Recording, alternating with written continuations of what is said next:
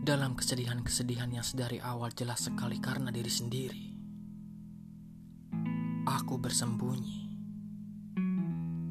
tidak lagi mengingat kau atau siapa pun yang juga berperan atas hal ini. Tapi mustahil, semua yang terlibat adalah takdir, dan aku sadar tidak dapat mengubahnya. Sore kemarin aku berpikir, mengapa aku sudah di sini? Merindukan kau, tapi enggan mendengar omong kosong kau.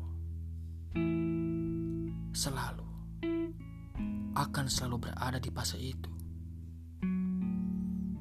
Tapi sayangku, kekecewaan adalah tingkat tertinggi dari kemarahan. Dan kau mengerti Aku sama sekali tidak menyukai hal itu. Dan sayangku, kau bukan puisiku. Itu pernyataanmu. Dan lagi sayangku, aku akan terus berlari sampai kau tidak bisa memanggilku.